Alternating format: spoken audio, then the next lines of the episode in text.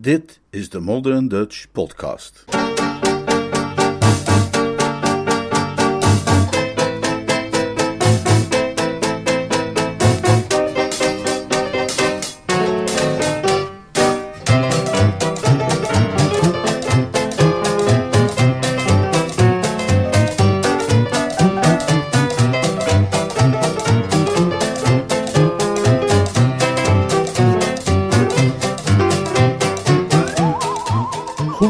Bezig, Jeeves. Door P.G. Woodhouse. De glanzend nieuwe Nederlandse versie van de roman Right Ho, Jeeves. Vertaald en voorgelezen door Leonard Beuger.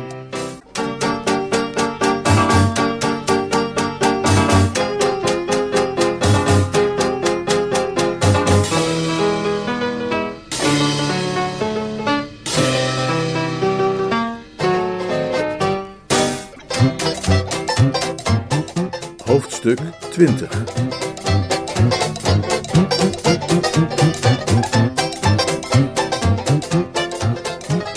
Korte inhoud van het voorafgaande. We zijn op Brinkley Court, tante Dalia's buitenhuis. De verlegen Gussie Finknottel durft Madeline Bassett niet ten huwelijk te vragen. Bertie's nichtje Angela verbreekt haar verloving met Tuppy Glossop en tante Dalia durft oom Tom niet alweer geld te vragen voor haar tijdschrift Milady's Boudoir.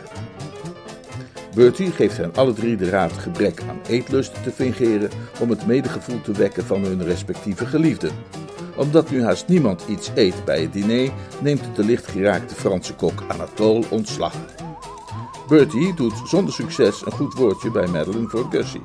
Ze denkt dat hij voor zichzelf pleit, maar bekend verliefd te zijn op Gussie.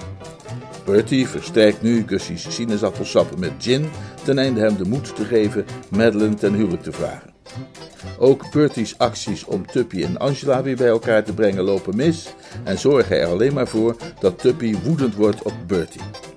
Gussie drinkt intussen per ongeluk veel meer alcohol dan Bertie's bedoeling was. Het geeft hem wel de moed om Madeline ten huwelijk te vragen, maar vervolgens houdt hij bij het uitreiken van de schoolprijzen op het lokale lyceum een krankzinnige dronken speech waarin hij allerlei mensen beledigt. Madeline verbreekt prompt hun verloving weer. Gussie verlooft zich direct daarna, bij wijze van gebaar, met de door Tuppy teleurgestelde Angela. De jaloerse Tuppy zit hem daarom woedend achterna door het hele huis. Butler Seppings meldt dat Gussie Finknottel malle gezichten aan het trekken is naar de toch al zo gevoelige Anatole via het zolderraam van diens kamer.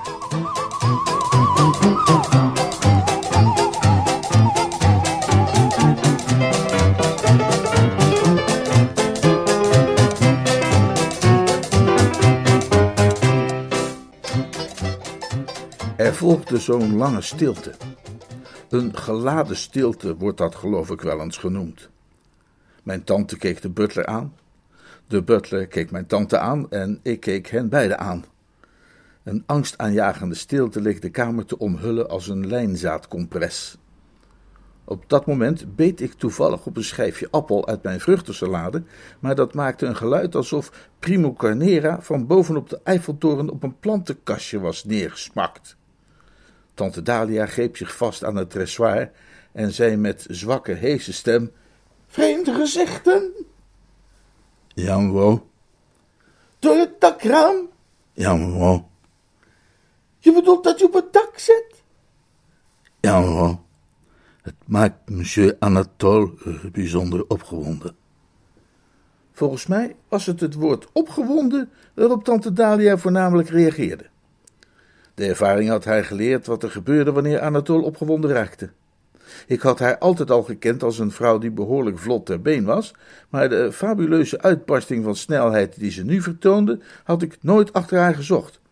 Na alleen een grondige verwensing te hebben geuit, die zij waarschijnlijk in jagerskringen had opgepikt, spurte zij de kamer uit in de richting van de trap, nog voordat ik een plakje, vermoedelijk banaan, had doorgeslikt. En omdat ik het gevoel had, net als toen ik dat telegram van haar had gekregen over Angela en Tuppy, dat mijn plaats aan haar zijde was, zette ik mijn bordje neer en haastte ik mij achter haar aan met Seppings in een handgalop op de derde plaats. Ik voelde dat mijn plaats aan haar zijde was, zei ik, maar dat bleek nog niet zo eenvoudig te realiseren, want ze zette er een duizelingwekkende vaart in. Bovenaan de trap naar de eerste verdieping moet ze al zo'n vijf à zes lengtes hebben voorgelegen en ze vergrootte haar voorsprong nog op weg naar de tweede. Op de overloop begon die snelheid echter zijn tol bij haar te eisen, want ze viel enigszins terug en begon tekenen te vertonen van een ademhalingsprobleem, en op het laatste rechte stuk draafden wij praktisch nek aan nek. De volgorde van binnenkomst in Anatols kamer kon alleen beslist worden per fotofinish. Uitslag 1. Tante Dalia 2. Bertram 3. Seppings. Wind met minder dan een hoofdlengte verschil, een halve trap tussen nummers 2 en 3. Het eerste waar bij binnenkomst het oog opviel was Anatol. Deze tovenaar van het fornuis is een kleine, corpulente man die een buitenmodel snor draagt van het type waardoor je soep kunt zeven en waarvan in het algemeen valt af te lezen in welke emotionele staat de eigenaar verkeert. Als alles in orde is, krullen de punten keurig omhoog als bij die van een sergeant-majoor. Als de ziel gekwetst is, hangt de snor er druilerig bij. Slap en druilerig vertoonde hij zich op dit moment, wat weinig goeds voorspelde. En mocht ik nog een laatste restje van twijfel hebben bezeten over hoe de man zich voelde, dan werd dat wel verdreven door de manier waarop hij zich gedroeg. Hij stond, gekleed in een roze pyjama, naast het bed en schudde zijn vuisten in de richting van het dakraam. Door het glas daarboven staarde Gussie naar beneden. Zijn ogen puilden uit en zijn mond hing open, wat een dusdanig treffende gelijkenis opleverde met een of andere zeldzame vissensoort in een aquarium, dat men de sterke neiging kreeg gedroogde miereneieren of van die gekleurde schilfertjes uit een potje voor hem te gaan strooien. Bij het zien van de vuisten schuddende kok en zijn puilogende gast ging de sympathie onmiddellijk naar de eerstgenoemde uit. Hij leek me volledig gerechtigd zoveel vuisten te schudden als hij wilde. Oordeel zelf op basis van de feiten, zou ik zeggen. De man had rustig in bed gelegen, ontspannen mijmerend over het soort dingen waar Franse koks over mijmeren wanneer ze in bed liggen, en plotseling ziet hij dan dat gruwelijke gezicht daar achter het raam. Dat zou zelfs de meest flegmatieke types van streek maken. Ik zou het zelf ook vreselijk vinden om in bed te liggen en dan onverwacht Gussie achter dat raampje te zien verschijnen. Iemands slaapkamer, dat valt niet te ontkennen, is zijn kasteel. En iemand heeft dan ook alle recht om nijdig te worden als van die enge dakduivels naar hem gaan zitten gluren. Terwijl ik dat allemaal stond te bedenken, kwam tante Dalia, praktisch als altijd, meteen ter zake. Wat heeft dit te betekenen? Anatole deed een soort Zweedse gymnastiekoefening, vanaf de onderste ruggenwervel langs de schouderbladen omhoog tot achter in de nek. Vervolgens legde hij het haar uit. Tijdens de praatjes die ik met deze wonderman heb gemaakt, merkte ik dat hij weliswaar vloeiend Engels spreekt, maar met een wonderlijk gemengd idioom. Zoals u zich zult herinneren, is hij eerst een tijdje bij Mrs. Bingo Little in dienst geweest, alvorens hij naar Brinkley kwam, en ongetwijfeld heeft hij veel van Bingo opgepikt. Daarvoor echter was hij een paar jaar bij een Amerikaanse familie in Nice geweest, en had hij zijn taalonderricht vooral ontvangen van hun chauffeur, een van de Maloney's uit Brooklyn.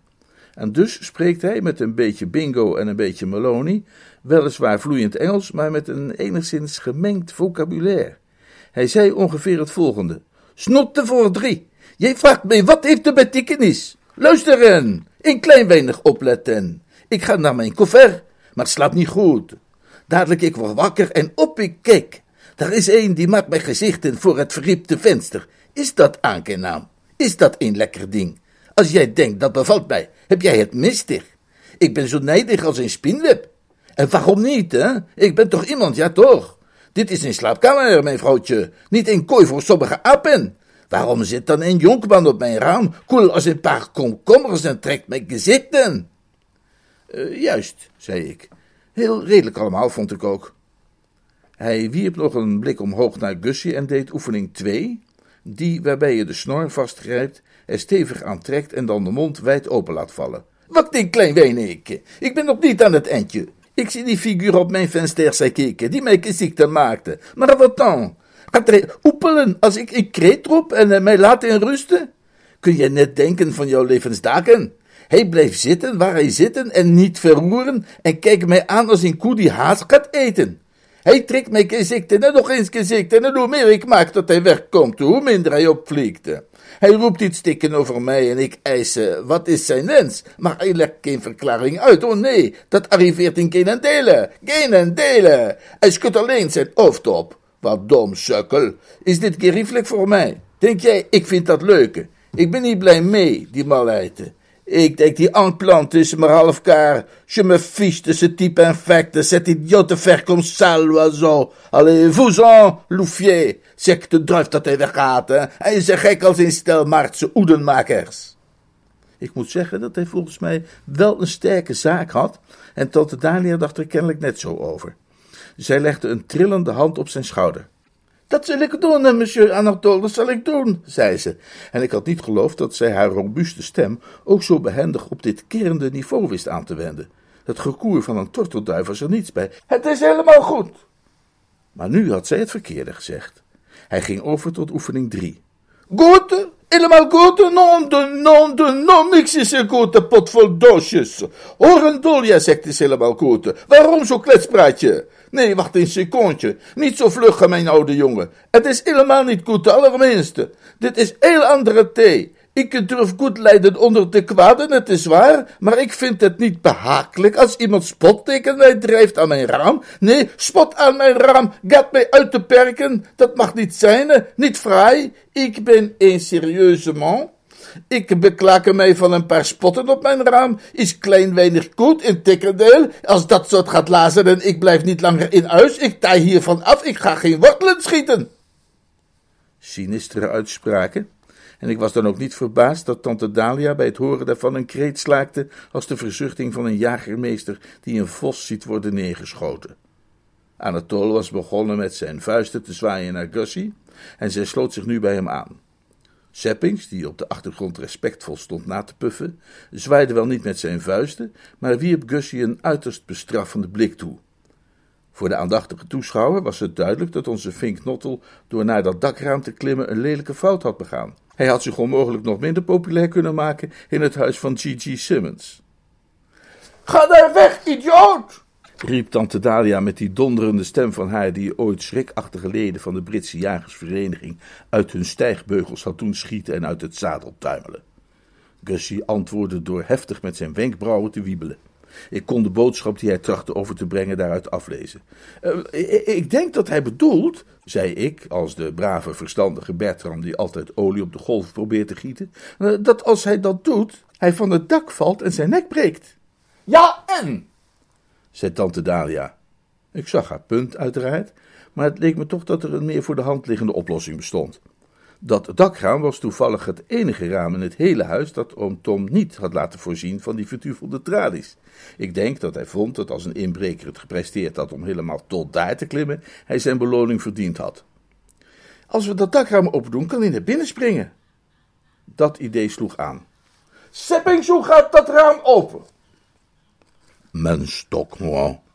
Haal dan een stok. Haal er twee. Haal er tien. Even later maakte Gussie deel uit van ons gezelschap. Als een van die mensen waarover je wel eens leest in de krant, was de arme kerel zich diep bewust van de positie waarin hij zich bevond. Ik moet erbij zeggen dat tante Dalia's houding en gedrag niet bepaald bijdroegen aan het herstel van innerlijke rust en zelfvertrouwen. Van de hartelijkheid die ze bij de vruchtensalade had tentoongespreid met betrekking tot de activiteiten van de ongelukkige sukkel, was geen spoor meer terug te vinden en het verbaasde me niets dat de woorden onze vinknottel min of meer op de lippen bevroren. Het gebeurt niet vaak dat bij mijn tante Dalia, die normaal gesproken het joviaalste type is dat ooit een meute honden met de neus op het spoor heeft gedrukt, kwade hartstochten de overhand krijgen. Maar wanneer dat het geval is, klimmen zelfs de sterkste mannen in bomen en trekken die achter zich op. Vroeg ze.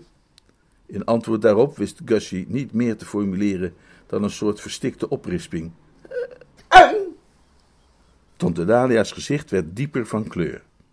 De jacht is een tijdverdrijf dat, wanneer men zich daar meerdere jaren met regelmaat aan wijdt, de neiging heeft de patiënt een sprekende rode gelaatskleur te verlenen, en ook haar beste vrienden zouden niet hebben kunnen ontkennen dat zelfs onder normale omstandigheden de postzegel van mijn bloedverwanten enigszins tendeerde in de richting van de geplette aardbei. Nog nooit echter had ik haar een zo uitgesproken verzadigd vermiljoen zien aannemen.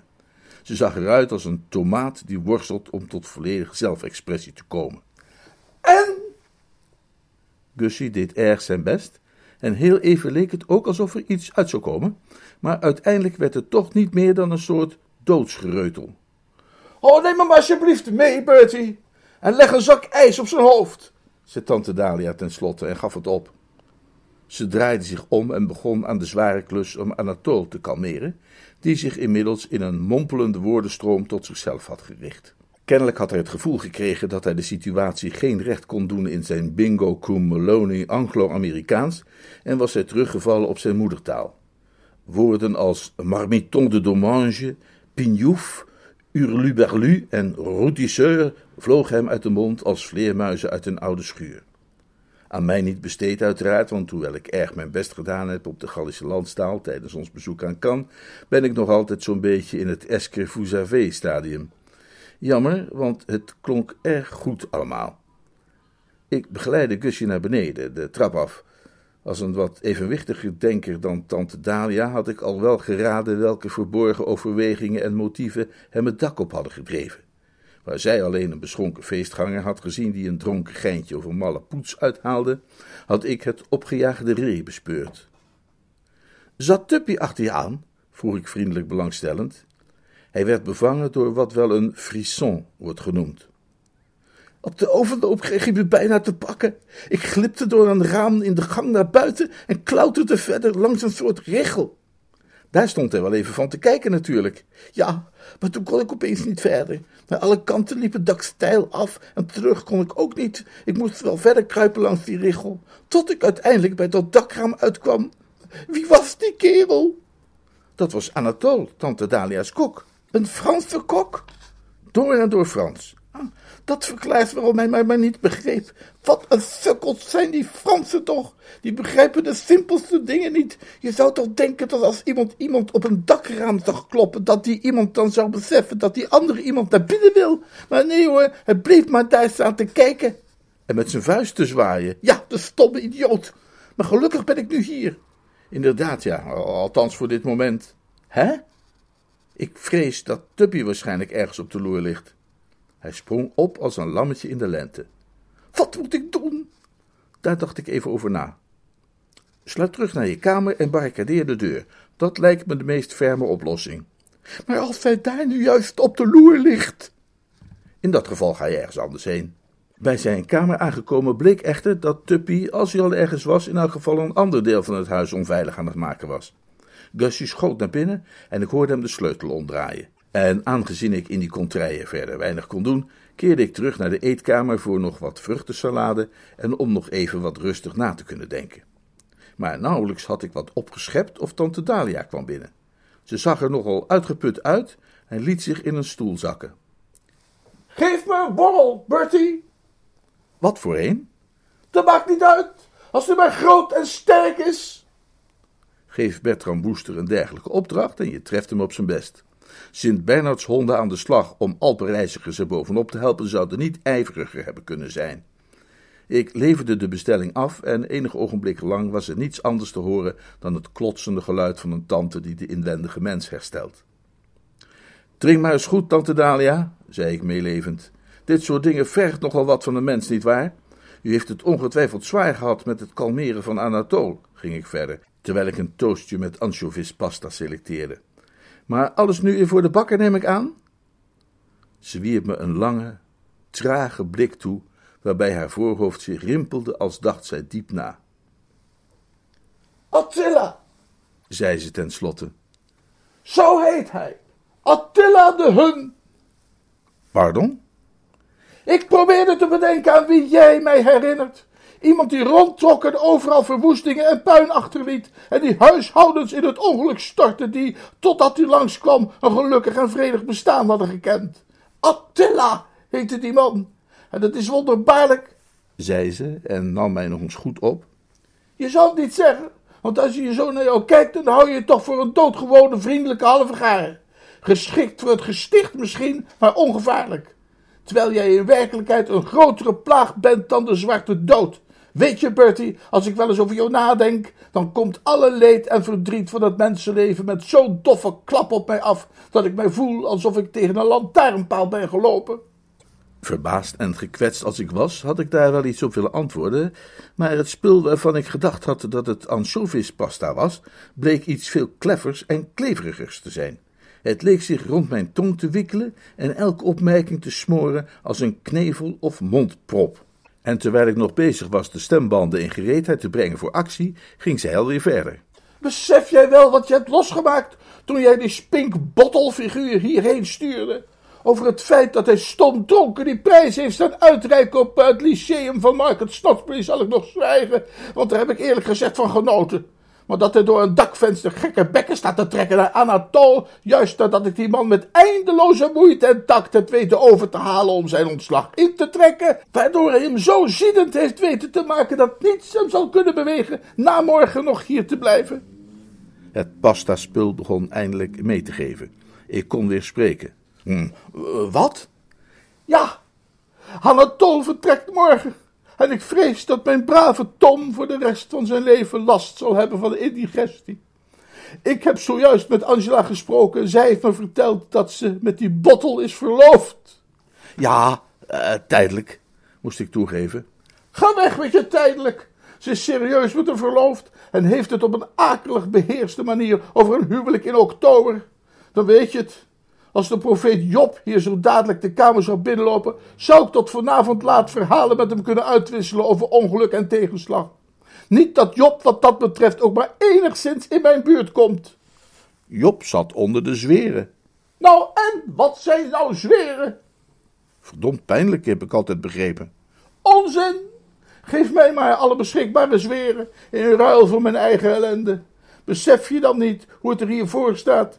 Ik ben de beste kok van heel Engeland kwijtgeraakt. Mijn echtgenoot, die arme man, zal waarschijnlijk sterven aan spijsverteringsproblemen. En mijn enige dochter, voor wie ik altijd zo'n schitterende toekomst heb gedroomd, is verloofd met een ladderzatte salamanderfanaat. En dan heb jij het over zweren? Ik wilde haar uh, toch op een klein punt even corrigeren. Ik heb het niet speciaal over zweren. Ik noemde alleen maar even dat Job daar last van had. En, en, ja, ik ben het met u eens, tante Dalia, dat een en ander er niet al te feestelijk met een strikje uitziet op het ogenblik. Maar houd moed en verheug u, want een woester wordt zelden voor langer dan een ogenblik uit het veld geslagen. Jij verwacht weer snel met een van jouw plannetjes te kunnen komen? Op elk moment. Ze zuchtte gelaten. Dat vreesde ik al. Dat is alles wat er nog aan mankeert.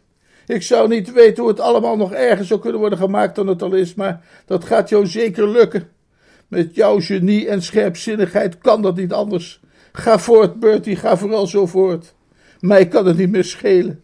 Sterker nog, ik ben er eigenlijk wel in geïnteresseerd welke nog duisterder en dieper afgronden der hel jij weet te vinden om dit huishouden in te storten. Doe vooral je ding, mijn jongen. Wat is het trouwens dat je daar eet? Ja, dat, dat vind ik heel lastig te klassificeren. Een toastje met een of andere pasta, iets van lijm met rundvleesaroma. Geef mij er een, zei tante Dalia moedeloos. Wees voorzichtig met hoe je dat koudt, adviseerde ik. Salomon zou zeggen dat die pasta meer aankleeft dan een broeder. Uh, ja, Jezus? De man had zich gematerialiseerd op het vloerkleed. Volkomen geluidloos zoals gewoonlijk. Een brief voor u, meneer. Een brief voor mij, Jeeves? Een brief voor u, meneer. Van wie, Jeeves? Van Miss Bassett, meneer. Van wie, Jeeves? Van Miss Bassett, meneer. Van Miss Bassett, Jeeves? Van Miss Bassett, meneer. Tante Dalia had inmiddels een klein stukje van haar, wat het ook was, op toast afgeknabbeld en het daarna weer teruggelegd.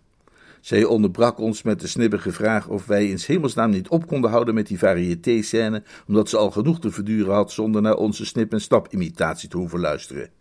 Altijd bereid haar een plezier te doen, zond ik Jeeves heen met een knikje van het hoofd. Hij knipperde even en was verdwenen. Veel geestverschijningen zouden dat minder gladjes hebben gedaan. Maar wat, peinsde ik de enveloppe om en omkerend in mijn handen, zou dat malle mens aan mij te schrijven kunnen hebben? Waarom maak je die verdomde brief dan niet gewoon open en kijk je even? Dat is een uitstekend idee, zei ik, en deed wat ze zei. En als je geïnteresseerd bent in mijn doen en laten, ging tante Dalia verder terwijl ze naar de deur liep. Ik ga naar mijn kamer om wat yoga-oefeningen te doen en te proberen bepaalde dingen uit mijn geheugen te wissen. Juist, zei ik afwezig terwijl ik haastig bladzijde 1 doorlas. Toen ik het blaadje omdraaide, ontsnapte er een felle kreet aan mijn lippen, die tante Dalia deed stijgen als een wild paard. Niet doen, riep ze uit terwijl ze nog helemaal natrilde.